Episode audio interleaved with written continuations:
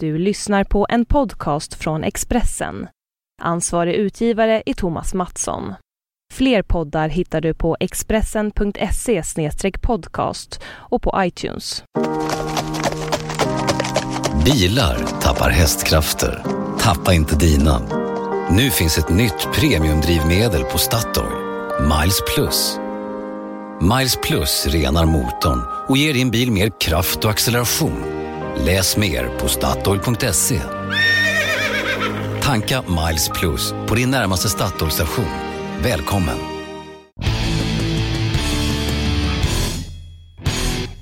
Hej hej, välkomna till Allt om bilars podcast. Jag heter Jan-Erik Berggren och står i studion idag med Alexander Olvan. Ni kanske undrar var David håller till. Det gör vi också lite kanske. Ja, han är ute någonstans där. Ja, han är på vägarna, på väg till Stockholm. Han har varit eh, på Volvos motorfabrik i Skövde. Eh, och han ska komma tillbaks hit så får vi prata med honom nästa vecka hoppas jag. Om hur, hur Volvo sprutar ur sig sina fyrcylindriga motorer och trecylindriga. Mm. Eh, samtidigt som David var på plats i Skövde så dök det upp en liten nyhet här om, om ja, delvis lite grann om Volvos motorer. Det är ju så att en myndighet i Tyskland som har en förkortning som är KBA har då börjat undersöka olika bilar eh, och mäter utsläppsvärden från de här bilarna. Mm. Det gör man ju då med anledning av Folkvagnsskandalen. Um, ja, den briserade kan man säga sent igår eftermiddag och um, David hade precis lämnat fabriken faktiskt när, när Mm. jag fick tag på honom. För det hade varit kul att höra just um, kanske fabrikschefen uttala sig lite om. Ja, precis. Du har ju följt med det här Alexander lite grann på Ja, olika alltså, hemsidor. amerikanska myndigheter har ju redan testat flertalet andra modeller och eh, flera andra tester visar ju sedan tidigare att eh, majoriteten av alla dieselbilar eh, släpper ut mycket mer kväveoxider i verkliga, under verkliga körförhållanden än eh, under laboratorietester. Så det, det är ju inte, kommer ju inte egentligen som någon chock och nu råkar Volvo vara med på den här listan över eh, drygt 50-talet bilar som ska granskas, testas.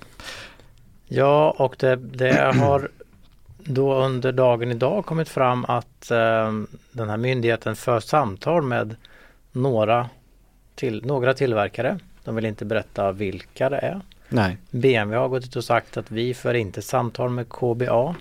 nej. Mercedes har gått ut och sagt att de välkomnar alla oberoende tester för de har inget att dölja. Mm. Då, då är det ju frågan vad är det de diskuterar? Är är det så att de har mätt upp jättestora skillnader och eh, det är klart att det kan vara jättestora skillnader trots att tillverkarna eh, inte fuskar. Eh, för att Precis, te- te- testerna kan ju, det är ju orealistiska tester, det har vi ju vetat länge. Och vad som sen händer i verkligheten, ja det är ju inte säkert att någon kan ställas till svars med de reglerna som gäller idag även om utsläppen är mycket, mycket högre då. Nej, och jag kan tänka mig att de kommer att diskutera lite grann hur mätningarna går till. Och eh, myndigheten undrar nog varför är det så stor skillnad. Mm. Det finns ju uppgifter om att det är um, 3 till 400 procents skillnad på just NOx-gaser eh, när det gäller verklig körning jämfört med eh, labbtester. Det är ganska stor skillnad, Det är ganska tycker jag. stor skillnad. så, så bevisbördan bli- blir ju någonstans på tillverkarna på något vis att förklara var, varför är det så här och hur har det skett. Mm. Det, det man ska ja. komma ihåg då är att i Europa är vi lite fixerade vid koldioxid. Det är Ja, koldioxidutsläppen som lite grann avgör eh, ja, olika skatteregler eller skattesubventioner eller eh, sådana saker och, och eh, ja, tjänstebilsbeskattning och alla typer av nivåer egentligen. Och med utsläppen är det så generellt att man kan säga att ju mindre CO2 ju högre NOx. Mm. Ehm, Så man kan ju tänka sig att man i Europa har velat pressa ner CO2-värdet under mätning och eh, att NOx eh, då går upp lite grann. Mm. Mm. Och det är Nej, kanske det- det man har manipulerat med i, om man har manipulerat någonting så är det väl kanske just värdet av eh, NOx-gaserna under labbtester. Ja, vi, vi, får väl se ifall det är, det vore ju, ja det, det, är klart att det är inte otänkbart att någon annan också har konstig programvara. Det, det känns lite osannolikt men skulle inte vem hade trott det här om Volkswagen? Nej, precis. Å andra sidan. Så att... Jag hamnade ju i en liten debatt igår kväll kan vi väl avslöja med några representanter från Volvo som hörde av sig till mig. Um, under kvällen där och var lite upprörda får vi säga över vår rubricering av det här. Att vi skrev att Volvo dras in i skandalen. Um, man kan ju tyda det som att, att Volvo också har fuskat. Och så är ju inte fallet vad vi vet i alla fall. Men um, ja, men min förklaring var väl att, att Volvo och andra tillverkare är ju så att säga med i skandalen eftersom mm. det mm. upplevs som att fler fuskar än folk, folkvagn. Eftersom ja, vi har det här, den här skillnaden mellan uppgiven förbrukning och verklig förbrukning och då är det mm. många som anser att ja men alla fuskar ju. Nej men nu, nu kommer ju nu kommer man definitivt prata mer om kväveoxider. Och det, det här är ju en trend som redan har eh, anats kanske något eller ett par år. Eh, I Paris till exempel så vill man ju förbjuda dieselbilar helt och hållet från innerstan 2020. Och andra stora städer diskuterar ju samma sak, bland annat London har varit på tapeten och sådär. Så att, eh, är det inte märkligt att Europa har varit eh, så snällare regler för NOx än i USA? Ja man kan ju fråga sig vad det beror på. Därför att vi har ju väldigt, väldigt länge diskuterat koldioxidutsläpp generellt. Och där då har ju bilarna åkt med i den här då, eh, CO2-klumpen. Eh, men miljögifter har man ju nästan inte alls pratat om. Det, det, är lite konstigt och nu, nu börjar det här komma upp. Men det här är faktiskt farligt för människor som knallar runt i stan och andas in de här partiklarna som är cancerogena. Om man vill vara lite um um, så här konspiratorisk så kan man ju tänka sig att bilindustrin har också labbat, äh, lobbat hårt för uh, diesel som ett sätt att få ner CO2 och få, få ja, bättre värden men då inte, inte velat ha tuffa NOx-regler. För det går inte riktigt att kombinera. Nej precis, man har ju tvingats välja där då. Man har, hittat, man har sett dieselmotorn som ett billigare alternativ kanske till att få ner NOx, NOx-värdet. Liksom. Mm, mm. Eh, ja. ja. vi får se vad det mynnar ut i. Vi kan väl läsa listan här på de bilar som ska, som ska testas, eller testas faktiskt. Eh, den här myndigheten har berättat att de har gjort två tredjedelar av de här bilarna. Ungefär och som sagt de har redan hittat stora eh, variationer och skillnader mellan angiven och eh, verklig förbrukning eller NOx-utsläpp. Det är Audi A6, Audi A3, BMW 3-serie, BMW 5-serie, Mini, Ford Focus, Ford C-Max, Opel Astra, Opel Insignia, Opel Safira, Mercedes C-klass, Mercedes CLS av någon anledning lite oväntad bil i gruppen här. Mercedes Sprinter, Mercedes V-klass, alltså även transportbilar är med här till del. del. Porsche Macan, Smart Fortwo, eh, Folkvagn Golf, Beetle, Passat, Touran, Polo och Sportsvan och sen Touareg. Eh, det var de tyska bilarna på listan. Sen har vi då ett gäng icke-tyska Alfa Romeo Giulietta Chevrolet Cruze, Fiat Panda, Fiat Ducato. Ytterligare en transportbil En Dacia med en viss motor.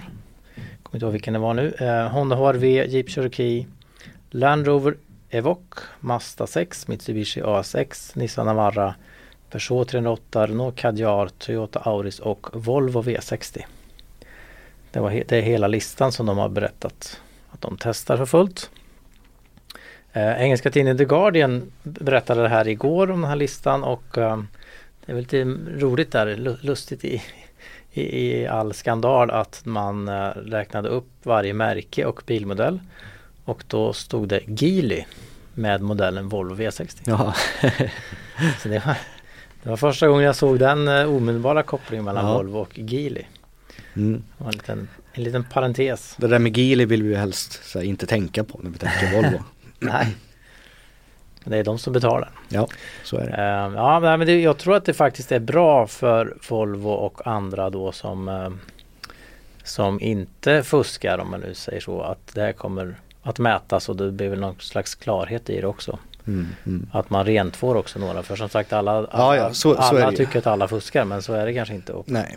Nej men sen, sen, sen så är det ju bra för, jag menar Volvo satsar ju nu väldigt stort på laddhybrider. Det är ju, det är ju framtiden. Så att eh, min gissning är väl att Volvo kanske rör sig bort från diesel så småningom. Volvo Eller? och, andra också kommer att Ja. röra sig bort från diesel för att slippa det här och eh, vi pratade om det i förra podden att Audi själva har ju diskuterat väldigt mycket eller vill kommunicera utåt också väldigt mycket laddhybrider och är ny, ny teknik för elektrifiering och det är ett sätt att slippa det här den här dieselhärvan. Ja. Ehm, ja, vi har väl anledning att komma tillbaka till det. Jag tror inte att det sista ordet är sagt och framförallt inte sista för Folkvagn. De har ju fått en liten tidsgräns här utav ehm, EU att de har tio dagar, var det nio dagar kvar nu då? På sig att berätta Eller vad som, nä, har, nä, nästa vecka får vi veta. vad som hänt de- med CO2-skandalen som är en del i det här. Att de Ja, har, precis. Folkvagn har ju berättat att de eh, har, det finns någon slags oklarhet vad gäller 800 000 bilar varav några bensinmotorer också där. Ja. Eh, vad gäller CO2-värden. Ja, de ska ju avslöja exakt sin exakta metod då hur de har fått ner CO2-värdet. Ett par, par grejer har vi redan hört bakvägen. En ingenjör som har avslöjat att man pumpar upp eh, däcktrycket till absurda nivåer. Man har hällt i dieselolja i motoroljan för att göra den lättflytande och lite, lite sådana grejer. Jag såg idag också att de hade en, en slags eh, satt ett, en deadline för alla alla whistleblowers, alltså all- alla som vill avslöja saker inom företaget. Ja, att de har det. fram till en viss dag på sig att nu får ni berätta allt ni vet om det här. Ja, det, ska, det kan ju också mynna ut i nya sådana här förklaringar då. Ja, Hur, precis. de, har- hur man har fått ner olika utsläppsvärden vid labbtester. Mm. Ja, men det, det här är ju ganska intressant för det ger ju en, en inblick i hur det funkar i hela bilindustrin. För jag, tänker det är ju det är ganska många då som använder, som rör sig i en gråzon när det gäller de här testerna. Man har ju vissa, man ska hålla sig inom eh, ett visst spann när man testar i Mm. laboratorium. Så försöker man tänja så långt det går då på de här grejerna. Så att det fortfarande ska vara enligt reglerna. Men Ja. Under tiden det här pågår så, så eh, är det en het debatt i EU också. Det var ju så att um, i mitten på oktober så fick svenska regeringen säga sitt om ett um, förslag från de olika regeringarna inom unionen eh, om skärpta regler för utmätning och eh, utsläppsnivåer. Det mynnade ut sen, tror jag, sista dagen i oktober i ett konkret förslag som handlade om att man skulle sätta gränsvärden för NOx eh, och eh, också hur mycket mer utsläpp av NOx det fick vara i verklig körning jämfört med labbtester. ja just det. Och idag som sagt som vi sa förut är det kanske en 300 till 400 procents ökning och man ville få ner det här till jag tror det var under 100 procent, alltså någonstans 60 procents Mm. Mm. ökning i, i reell mätning eller i riktig, trafik. Ehm, förslaget som det blev sen efter att alla regeringar sagt sitt var att det låg någonstans på strax över 100.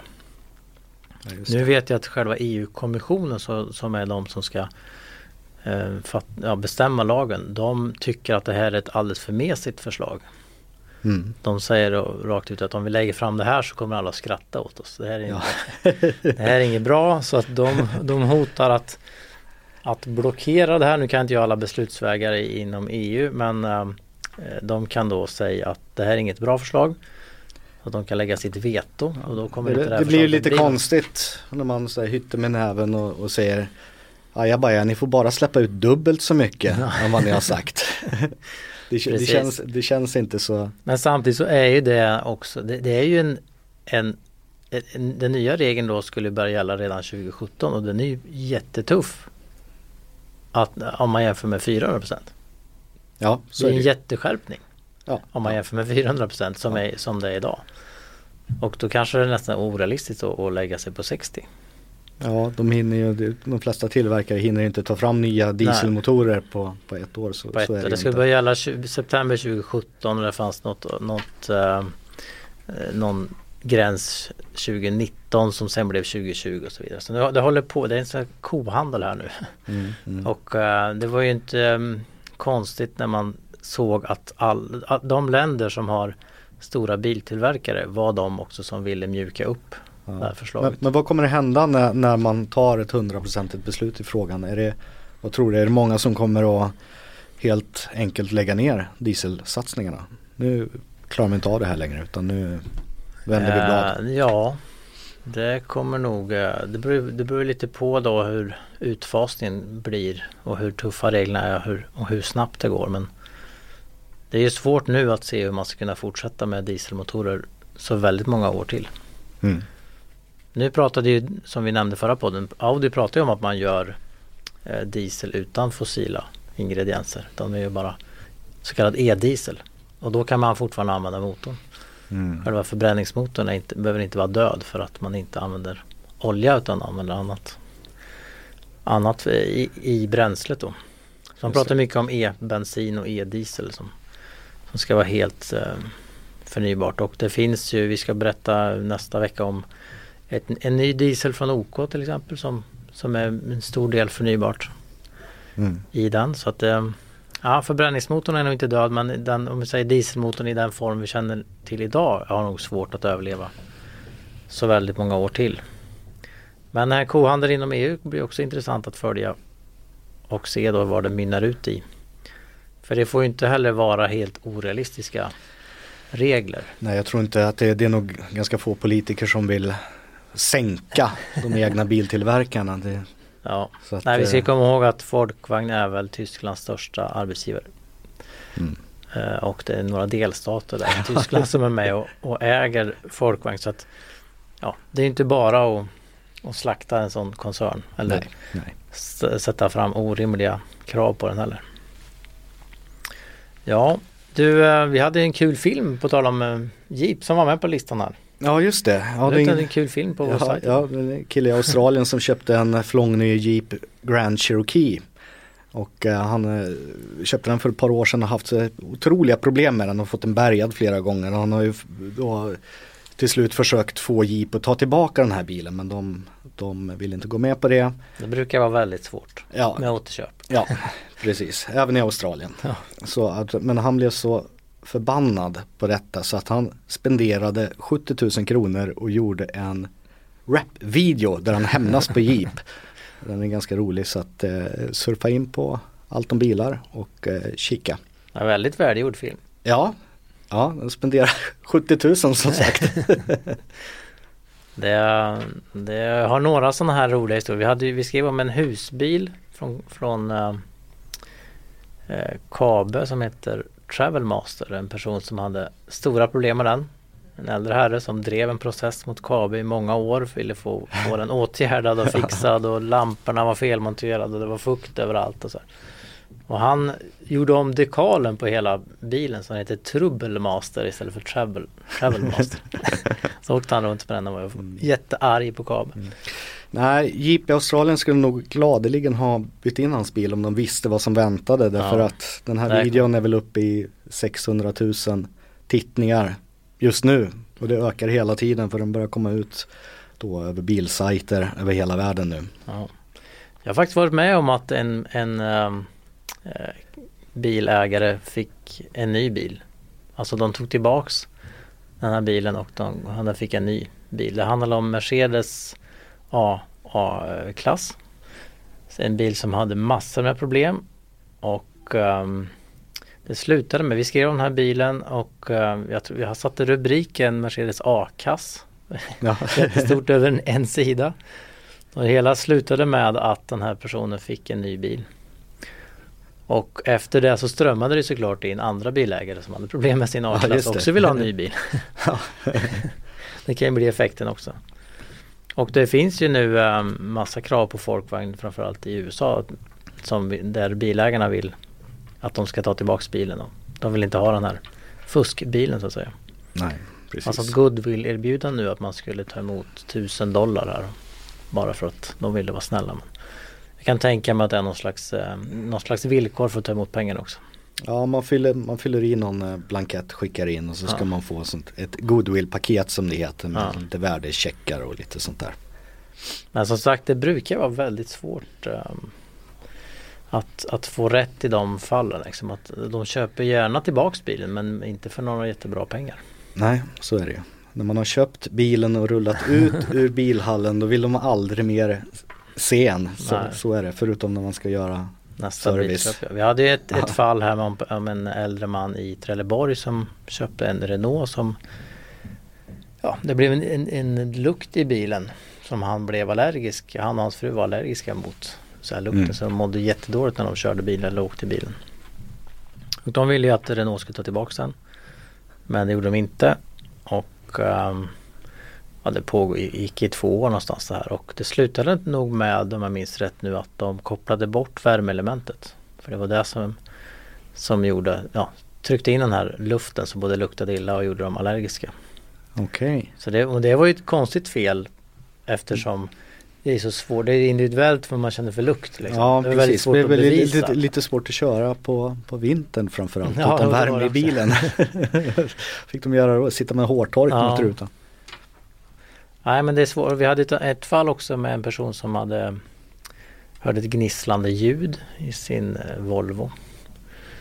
Eh, jag tror att det, det, var ett någonting med styrningen, något styrservo som lät Mm. väldigt illa liksom. Och ljud är också svårt att bevisa för vad jag, det jag hör kanske inte du hör. Och sen är det olika varvtal och förhållanden runt omkring som kan påverka. Mm. Men eh, ja, ett råd om man har problem med sin bil är väl att inte, inte ge sig liksom. Och Nej. anmäla det i tid. Snabbt. Men ibland orkar man helt enkelt Nej, jag förstår jag, jag hade en ny Volkswagen som det small till i underredet på bilen varje gång man kör iväg. Det, jag vet inte vad det kan ha varit, om någon slang som trycksattes och daska till någonstans, någon Mm. plåt någonstans. Eh, lämnade in den på Volkswagen berättade att ja, men kan ni kika på det här och eh, de sa vi, vi hittar inget fel och sen så hade de hittat i någon sån här eh, verkstadsmemo från Volkswagen att eh, Ja det är normalt att man kan höra ett surrande läte då när ABS-systemet, ja men det, det, det surrar inte. Men de, de vägrade ta, ta in Ja. att det, det var olika, det är skillnad på en smäll och ett surr Ja. försökte jag förklara. Men till slut så kändes det hela så Kafkaartat att jag helt enkelt gav upp och eh, sålde bilen Sålde några månader bilen. senare. Så slapp jag tänka på det där eländet. Ja, det här man, en man som hade, eller familj som hade problem med ljud i Volvon, de sålde det också den. De orkar Mm. inte med det längre. Nej det är extremt svårt att få rätt. Ja. När, de, när de väl har bestämt sig för att Att man inte ska nej, ha rätt. vi tänker inte göra någonting och då, då är man mer eller mindre körd. Tyvärr. Mm. Ja, jag var ju på en kul grej i veckan här om med Nissan. Eh, Nissan och eh, Playstation är ju sp- sponsorer till Champions League. Och då har Ja. de fått för sig att med ett eh, svenskt spelutvecklingsbolag som heter Acne bygga en spelkonsol av en riktig Nissan Qashqai. Ja just det. Ja. Så man sätter sig i bilen och spelar då ett fotbollsspel för det skulle ha med fotboll att göra. Och man spelar den här Pro Evolution Soccer. ehm, som har rättigheten till Champions League också då såklart. Men det var lite märkligt, man styrde de här spelarna med ratten, blinkersen och man sköt och passade med pedalerna. Okej, okej, Broms och gas var det. okej. Eh, som jag, jag skrev någon i min text där, man kunde ju faktiskt, de, de kunde ha gjort gaskoppling istället så man kunde använda båda fötterna. Ja, Men det är inte alla som kan vänsterbromsa liksom så man har koll på det här med höger vänster fot. Liksom. nej precis. precis. Men kopplingen har man ju på vänsterfoten normalt så att Nej, de kanske inte var riktigt bilvana. nej. Men, eh, Nissan man hade slagit styr- på stort. De hade Styr, dragit styr gubbarna med ratten. styrgubbarna ja, sen är det ju ett problem då för att i spelet är det ju, är det ju tre Alltså det blir två, två dimensioner. Alltså man springer höger, vänster eller upp och ner. Ja just Så man det. ser ju liksom planen uppifrån. Och det går ju inte med ratten. Så då fick man ju ha eh, blinkersen som Jaha, okej. upp okej. ner Mm. funktion. Och det var lite svårt faktiskt att styra och dra blinkersen samtidigt. Kommer de ha den här bilen någonstans som man får testa? Ja, eller? man kan få testa när um, när eh, Zlatan kommer till Malmö här den 25 är det väl november. Okej. Då ska det stå ett par bilar utanför där som man kan hoppa in och köra. Testa. Okej. Ja. Eh, De ville ha lite feedback från oss för de ska nog trimma det här lite grann. Okej. till, till, de har några veckor på sig då. Ja, ja. Ehm, så, men det var ja, spännande men märkligt, märklig känsla. Jag sa det, jag väntar på den dagen när ni, när ni gör ett, ett bilspel på samma sätt istället.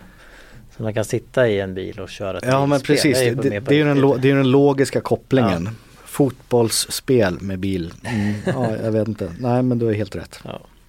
ja, de hade bjudit in en väldigt massa um, Youtubers. De vill få ut det här på Youtube så det var massa sådana kända. Sådana som man aldrig vet vilka de är. Man, de, de har stora Youtube-kanaler. Okej. Det var också en kille med från deras GT Academy. Det här uttagningen där man spelar Gran Turismo. Och man vinner så får man gå vidare till en körträning. Så att säga. Utbildas till racerförare. Ja. Och den som vinner det får sen plats i, i Nissan, ett av Nissans många team runt om i världen. Så det var en, ung, en, en kille ehm, från Storbritannien som ja, han berättade om sin karriär och han hade suttit hemma och kört mycket fotboll men eh, ännu mer, ja, han, mycket bilspel också. Hade aldrig suttit i en racerbil överhuvudtaget. Vann hela uttagningen först i spelet. ja. Fick åka till Silverstone och, och tillsammans med tiotal andra lära sig att bli racerförare. All, inte kört gokart, ingenting. Jag har inte suttit i en racerbil, aldrig varit på en där, tävlingsbana. Och det slutade med att han vann det här loppet till slut och Ja. eh, har nu varit eh, professionell racerförare i fyra år. Det är ju Kör Helt så galet. Ja, kör så här långlopp. Han var i Dubai, kör 24 timmar. Ja, ja. Men han måste ju ha, jag frågade honom lite grann, om lärde de dig liksom inställning på bilen och hur du ska ge feedback till ingenjörer? Och så, ja men det, det kom ju med, med tiden men de hade ju mentorer på plats redan Ja, första loppen liksom. ja. Som sådär att ja om jag sa någonting om hur bilen kändes så kunde den här mentorn Översätta säga, det. nej men gå in och säga, ja men du kanske ska tänka till igen, det där stämmer inte riktigt. Okej. så att eh, det fick han nog lära sig, men det är den svåra delen. Man ska ju Mm. vara lite ingenjör också. Ja. Men det var ju rätt kul att han så att säga Ganska- erfarenhet. Häftig karriär. Ja, det är ju några svenska killar som har varit med i den där svängen men det har ju varit ehm, eh, ja, sådana som har varit lite racerförare, alltså de har kört på hygglig eller hög nivå i, gokart och formelbil Ja, ja. och sen kan de snabbt lära sig att spela spelet liksom. Okej, det, okej. det är faktiskt lättare att gå den vägen än att gå åt andra hållet. Ja. Och det är väl sådana som har gått långt också som, som har varit, ja, kunnat köra racerbil från början. Ja, du sitter med James Bond också. ja, jag sitter och letar lite bilder från gamla, på gamla Bond, Bondbilar. Ja, Ser någonting som kommer upp här. Ni kan gå in, klicka in och kika på. Alla. Ja. Du, du har ju skrivit texten där. Det ja är ganska precis. många. Det är ju, vi hade ju, Expressen sålde ju James Bond-filmer. Det var Mm. egentligen där det började på den tiden. Så då satt jag och tittade igenom alla filmer och skrev upp alla bilar som förekom i filmerna. Ja. Olika scener och varför och hur och så. Och den där har jag lite grann, den där listan har jag fyllt på efterhand. Det har kommit nya och nu är det ju aktuellt med nya filmen Spectre. Ja. Eh, jag var ju på en grej under bilsalongen i Frankfurt där, där vi fick titta på bilarna som är med i filmen. Mm. Och då var det ju eh, inte Aston Martin DB10 som de har byggt speciellt för filmen. Men det var ju eh, Jaguar-bilen som också är en konceptbil. Och en Land Rover Defender. Bigfoot som de kallar den. ja, just det. Har du sett filmen än? Nej, jag måste se den också. Jag, har sett, jag såg ju lite klipp ur den då i, i, eh, i Mm. på den här visningen av bilen. Ja, jag ska iväg här nästa vecka och se den. Ja. Så Aston Martin har som sagt specialutvecklat sin DB10. De, de ska väl, det heter den DB11 va? Den nya. Ja, precis. Som blir den första med Mercedes drivlinan delvis i alla fall. Ja, DB10 finns ju bara i 10 exemplar och Ja. är renodlad filmbil.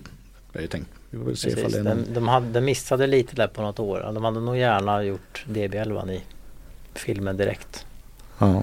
faktiskt. Eh, men det har ju funnits eh, lite olika bilar genom åren. Har du någon sådär som du tänker på? Det är min favorit. Nej, Favoriten är ju den här Lotusen som även funkar som ubåt. Det är den bästa. Det är den bästa. Ja.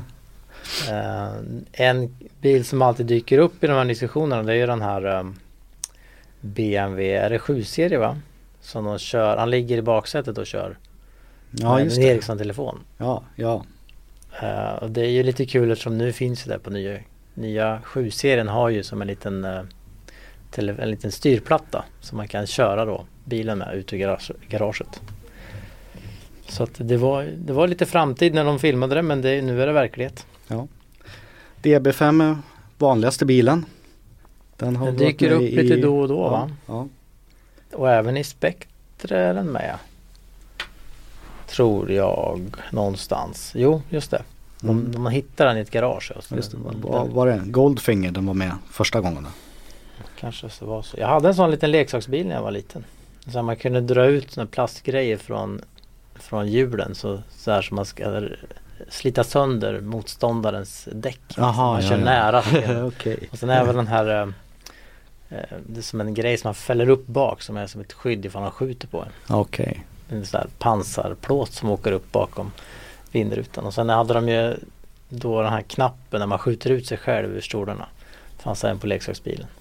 Det, är, det är nog den sämsta funktionen tror jag. Ja. Och så hade den här, det var ju rätt, det fanns även på leksaksbilen, man kan snurra nummerplåten. Man kan liksom byta registreringsnummer. Ja just det. Man snurrar runt, det finns liksom fyra, tre eller fyra olika Perfekt. regnummer. Perfekt när det är vägtullar. Precis, eller Ja. um, fartkameror. Så snurrar man ju. Har du fått brev då? Du fick, vi fick brev igår. Från Uh, Transport, eh, någon myndighet här någonstans i Stockholm va? ja precis. Införa trängselskatt på Essingeleden. Mm. Tycker Ja. vi om det? Du cyklar ju för det mesta men du, då och då så Eh, hamnar du på leden va? Ja, vad ska man säga? Alltså visst. Det, det, är ju, det är ju problem med mycket bilar inne i stan. Så är det ju. Så att eh, det vettiga vore ju egentligen om man körde så lite bil som möjligt inne i stan. Kan jag tycka. Eh, men eh, jag gillar ju bilar men det, det kanske inte är en mänsklig rättighet att kunna ta bilen när och var som helst och hela tiden. Uh, samtidigt så är det ju svårt att undvika Essingeleden om man bara ska igenom stan. Ja det blir lite samma effekt som i Göteborg där, där Europavägarna är belagda med trängselskatt E4 och E6 när man bara ska passera. Ja. Och här går det ju, ja det, ja, det går ju knappt att köra runt. Nej. Ens om man, om man vill. Nej, så man att, eh, Vi kommer ju, jag kommer ju inte Ja jag kan bara köra över uh, Hornstull om jag ska till jobbet. Men då blir det Mm. trängselskatt i alla fall. Ja. Jag, jag kommer inte till från jobbet utan trängselskatt. nej, så är det. Så bara cykla. Ja, Ja, det får vi prata mer om och har ni åsikter om trängselskatten i Göteborg eller Stockholm eller någon annanstans så får ni gärna mejla. Ni hittar våra adresser på vår hemsida. mm. Tack så mycket för idag. tack för idag. Bilar tappar hästkrafter. Tappa inte dina. Nu finns ett nytt premiumdrivmedel på Statoil. Miles Plus. Miles Plus renar motorn och ger din bil mer kraft och acceleration. Läs mer på Statoil.se. Tanka Miles Plus på din närmaste Statoil-station. Välkommen!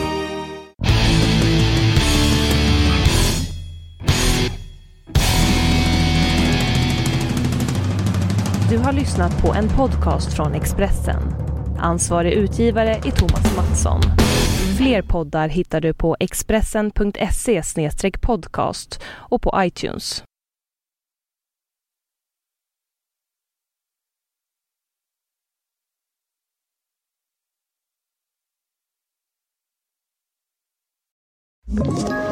Ett poddtips från Podplay.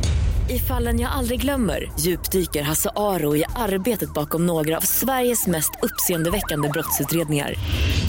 Går vi in med hemlig telefonavlyssning och, och då upplever vi att vi får en total förändring av hans beteende. Vad är det som händer nu? Vem är det som läcker? Och så säger han att jag är kriminell, jag har varit kriminell i hela mitt liv men att mörda ett barn, där går min gräns. Nya säsongen av Fallen jag aldrig glömmer på Podplay.